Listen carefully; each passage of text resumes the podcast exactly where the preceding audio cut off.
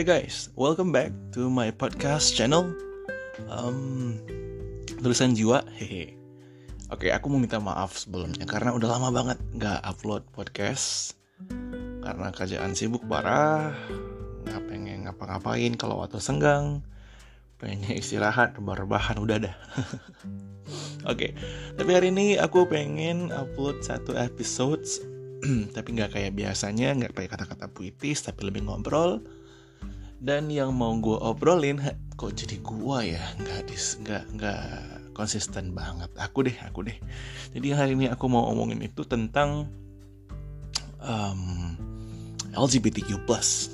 Wow. Oke okay, uh, eh, topik yang cukup sensitif dan beberapa waktu yang lalu nggak lama eh itu lagi lagi lumayan ada kontroversi ya soal satu brand yang ngeposting dengan logo rainbow pelangi dan kemudian banyak banget netizen Indonesia kemudian mulai komen. Dan ya boykot sana boykot sini ya as you know lah. Maksudnya as you know it happens gitu alright so um, aku hari ini bakal obrolin tentang itu LGBTQ plus sebenarnya. LGBTQ plus itu apa dan pandangan aku terhadap LGBTQ plus itu apa dan gimana. But first of all, aku pengen nengkenin bahwa aku nggak maksain, aku nggak nggak juga berusaha untuk membuat semua orang menjadi pro LGBTQ plus community. No, like aku percaya bahwa listeners aku ada yang pro, ada yang kontra, atau mungkin yang don't give a fuck, don't give any fuck for this kind of things, gitu loh. Ya, it's okay, itu hak kalian, masing-masing manusia punya haknya masing-masing, oke? Okay? Yang aku pengen, tujuan aku adalah sebenarnya untuk mengedukasi uh, tentang ini, biar kalau misalkan emang kalian salah kaprah, salah pemahaman, ya bisa di bisa difahami dengan benar. Dan harapannya bukan untuk semua orang pro, tapi harapannya adalah untuk menjadi uh, untuk untuk untuk mengajak kita semua supaya tidak mendiskriminasi orang-orang yang tergabung dalam LGBTQ plus community tapi lebih support mereka secara secara sosial dan bukannya menghakimi mereka gitu loh. Alright, um, aku juga bakal bahas topik tentang uh, mitos-mitos yang sering banget beredar soal LGBTQ plus kayak nular. Gimana bisa nular gitu loh? Aku bingung banget. Nah oke okay, mungkin mungkin teman-teman bakal bilang emang kamu ngerti soal LGBTQ+.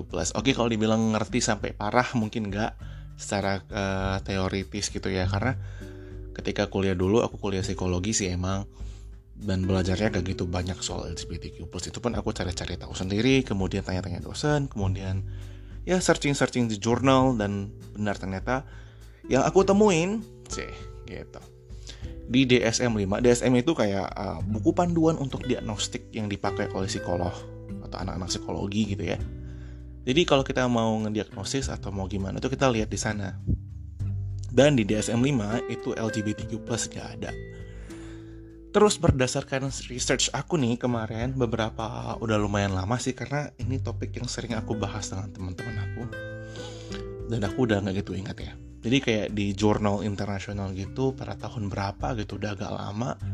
Itu emang dibilang bahwa bahwa LGBTQ plus itu bukan suatu penyakit mental. Bahkan di buku diagnostik um, kesehatan jiwa mungkin saya nggak gitu ingat yang untuk anak psikiatri kalau nggak salah I ICX atau apa ya saya nggak saya lupa deh bener saya lupa saya pernah ngobrolnya sama anak kedokteran juga dan emang di buku diagnostik mereka juga LGBTQ udah nggak penyakit gitu loh dan kalau teman-teman nggak percaya teman-teman boleh searching di Google soal di SM5 atau soal ICX atau apa deh untuk diagnostiknya anak-anak psikiatri. Alright, so itu first poinnya adalah poin pertamanya adalah bahwa LGBTQ+ itu bukan penyakit kejiwaan, bukan penyakit mental. Keep that with eh, keep that in your mind, guys. Itu bukan penyakit mental, bukan penyakit jiwa. Jadi kalau anda bilang sakit jiwa, semua orang bisa sakit jiwa. Mau lo heteroseksual, mau yang homoseksual, or whatsoever, itu punya chance yang sama untuk mengalami uh, ketidaksehatan mental. Oke? Okay? Jadi jangan pernah bilang anak-anak LGBTQ itu hmm, sakit jiwa lagi. Dan kalau teman-teman bilang itu nular, aku nggak tahu gimana cara nularnya gitu loh. Maksudnya gimana sih nularnya? Apa karena teman-teman ngira uh, mereka bakal ngelakuin kejahatan seksual ke orang-orang lain? Well, bukan nggak mungkin mereka ngelakuin kejahatan seksual sama orang lain yang heteroseksual. Mungkin-mungkin aja. Tapi rasanya kurang adil kalau misalkan kita langsung ngejudge mereka bakal ngelakuin uh, kejahatan seksual cuman karena orientasi seksual mereka itu berbeda dengan kita atau berbeda daripada umumnya gitu loh. Kayak siapa aja di dunia ini juga punya kesempatan yang sama untuk ngelakuin kejahatan seksual gitu. Contohnya deh, kalau misalkan kamu heteroseksual, apa menjamin kamu nggak nggak nggak sama sekali melakukan mm, tindakan kejahatan seksual? uh, ada kok banyak berita pemerkosaan dan lain sebagainya, pelecehan seksual di tempat umum oleh heteroseksual. Lalu kenapa kita nggak nggak ngecap heteroseksual sebagai penjahat kelamin juga atau menularkan tanda kutip heteroseksualnya ke orang lain? Because it doesn't work like that, guys. So, jadi kalau dibilang nular, enggak, enggak ya, sama sekali enggak. Coba jelasin ke aku gimana cara nularnya. Aku nggak ngerti. Oke. Okay. itu poin kedua. Berarti pertama bukan penyakit kedua nggak bisa nular. Dan aku nggak tahu gimana cara nularnya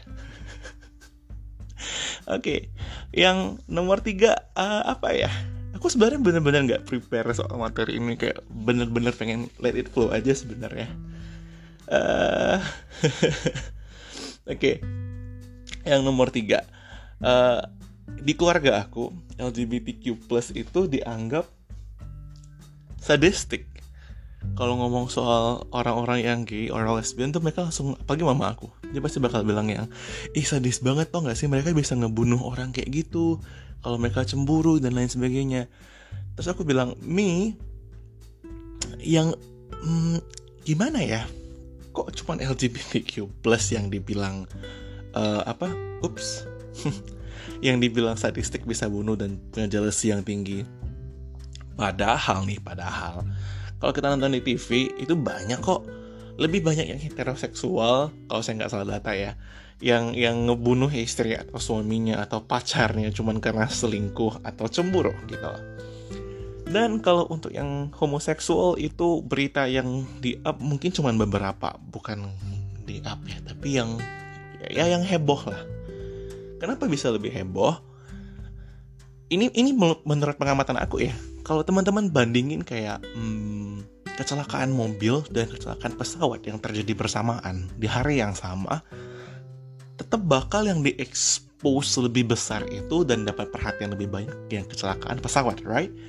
Because it's something yang dramatic, yang more dramatic gitu loh. Something yang jarang terjadi, sekali terjadi dramatis pula akhirnya itu menjadi suatu perhatian dan sama kayak LGBTQ plus ini di Indonesia masih cukup tabu kehidupan soal penerimaan LGBTQ dan ketika terjadi satu aksiden aksiden insiden satu insiden tentang ya yang berhubungan dengan LGBTQ lah itu langsung mendapat sorotan perhatian dari hampir semua kalangan di masyarakat.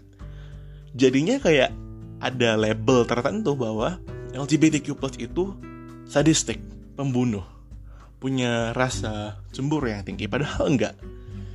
Orang yang bisa ngebunuh adalah orang-orang yang mungkin udah kalap ya, udah udah bener-bener kayak kehilangan akal sehat di saat itu, nggak bisa ngontrol emosi dan dan itu juga merupakan satu ketidaksehatan mental yang bisa dialami oleh semua orang. So ya boleh boleh teman-teman mikir sendiri gitu lah. Karena aku punya banyak teman yang LGBTQ gitu dan mereka santai-santai aja. Nggak yang gimana-gimana. Nggak juga yang um, membunuh gitu nggak ada. Belum pernah. Kalau ngomong so soal orang-orang yang alay lebay dan lain sebagainya semua orang juga bisa seperti itu. So um, nomor tiga poinnya lebih ke stop judging gitu loh kayak stop labeling, stop judging because what you judge is not always true, or what people judge is not always true. Jadi um, it's better untuk nge-respect orang-orang. That's the third point, guys. Third point. Oke. Okay. Hmm. Terus kenapa sih orang-orang yang dulu gue kenal, misalkan kayak contoh uh, ada ada ada pernyataan begini. Lo tau nggak sih? Uh, ada teman-teman gue beberapa yang kalau apa uh, dulunya kayaknya strict ya heteroseksual tapi sekarang jadi homo. Berarti kan dia ditularin dan lain sebagainya. Nyambung ke yang tadi yang sebelumnya.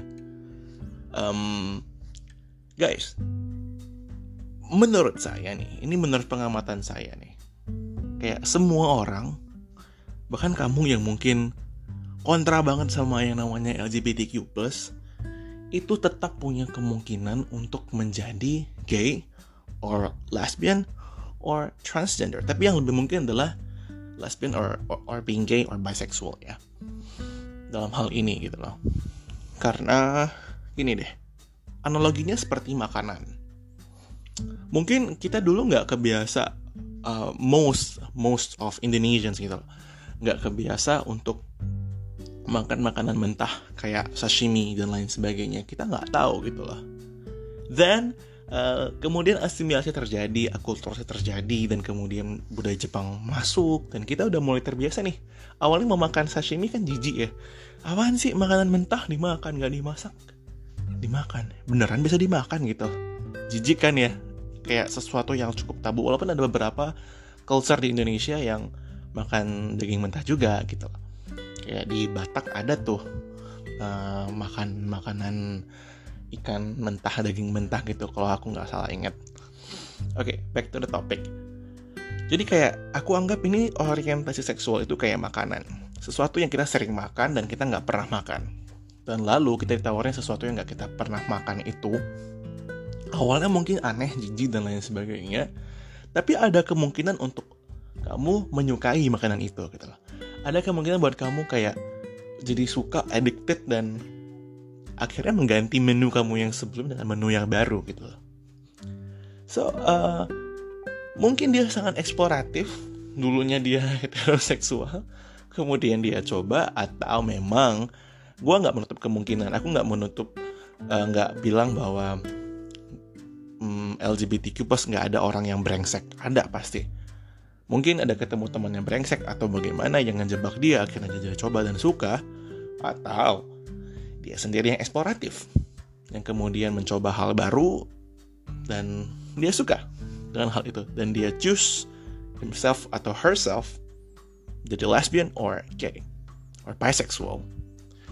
So kalau dibilang options, this is not an option. Some people were born with it. Um, banyak orang yang juga apa ya terlahir dan udah sadar punya self awareness lebih tinggi daripada orang lain yang oke okay, gue lebih tertarik ke sama jenis gue nih dibanding sama lawan jenis gue oh jadi gue gue lagi oh my god. Oke okay, aku. Oh alright so ever lah ya. Biarin aja deh. Um, ya. Jadi ada orang yang benar-benar terlahir dengan itu. Dan dia nggak milih gitu dia tahu bahwa dia dibesarkan dalam budaya dan sosial yang ter harus tertarik dengan lawan jenis. Atau mungkin dia selama ini hidup dengan seperti itu. Terus tiba-tiba ketemu dengan orang yang buat dia jatuh hati dan itu sesama jenisnya. Well then kalau kayak begitu kalian mau judge-nya gimana? Aku nggak tahu ya. Aku aku benar-benar nggak tahu. Bahkan aku kadang-kadang kalau berdoa tanya Tuhan Tuhan sebenarnya LGBTQ itu dosa nggak ya? Tapi kalau di, dibaca di kitab-kitab suci kalau aku Kristen aku baca di Alkitab ya emang eh, tetap tetap dibilang sinful gitu loh. Mungkin juga di, bukan mungkin lagi sih tapi emang di agama-agama lain juga sinful ya. Di Islam atau di mungkin Hinduism sama Buddhism aku kurang tahu ya. Tapi kalau di Islam sama di Kristen udah jelas itu sinful banget sampai ya kita tahu lah kisah-kisahnya ya kisah-kisah nabi-nabi yang zaman terdahulu gitu. Dan ya oke okay lah anggapannya itu sinful. Tapi some people were born with it. Like they didn't they did not choose to be gay. I mean I believe kalau misalkan mereka bisa milih tentu mereka milih yang yang yang yang diterima masyarakat aja lah biar nggak ribet gitu loh. Biar bisa ya udah ngeblend aja dengan orang-orang di masyarakat. Kalau pacaran nggak perlu sembunyi langsung aja terang-terangan atau mungkin bisa nikah dan lain sebagainya. Which is so much easier guys. Tapi kan enggak so um, aku aku bahkan nggak tahu gimana orang bisa segitu bencinya dengan LGBTQ+ dan menganggap bahwa itu suatu hal yang dipelajari. Memang ada sih yang dipelajari, maksudnya yang dia coba-coba suka, tapi kan juga ada orang-orang yang terlahir dengan itu. Tapi how to define that itu is really hard dan it's not a mental issue. Mental issue, yeah, whatsoever. Excuse my pronunciation sometimes, you know, guys. okay, so um, I'll leave it back to you guys. Untuk first part, kalau misalkan ada second part, kalau mungkin teman-teman banyak send DM or email ke aku soal ini, aku mungkin bakal lanjut ke second part. Tapi yang di otak aku sekarang, aku udah kayaknya udah ngeluarin semuanya tentang LGBTQ plus dalam pikiran aku, menurut aku. So, um, dan udah cukup panjang sih, udah hampir 16-17 menitan. Jadi, ini podcastku yang paling panjang kali ya. Oke, okay, maksudnya the end in the end of my podcast aku mau share ke teman-teman bahwa please jangan diskriminasi orang-orang yang tergolong dalam LGBTQ plus community. Please stop judging baik ke LGBTQ plus atau ke orang lain. Kayak judging lo labeling lo tuh nggak pernah bagus efeknya ke orang lain oke? Okay? stop diskriminasi. Let's respect each other. Jangan ngurusin uh, urusan orang terlalu banyak urus diri sendiri aja cukup gitu ya. So um I think that's all guys. I hope it helps. I hope uh, ini dapat tambahan uh, jadi bisa da uh, gue belibet dan ini bisa jadi tambahan informasi untuk kita semua tentang LGBTQ+. Gue nggak maksa kalian untuk bisa support LGBTQ+, tapi gue maksa kalian untuk support human rights, untuk respect sama orang-orang. Just that, thank you so much for listening. Um, send me emails or DM me on Instagram, Rielo Lakwich. Kalau misalkan kalian mau second part or whatsoever. Tapi, um, yeah. That's all guys. Thank you. Bye-bye.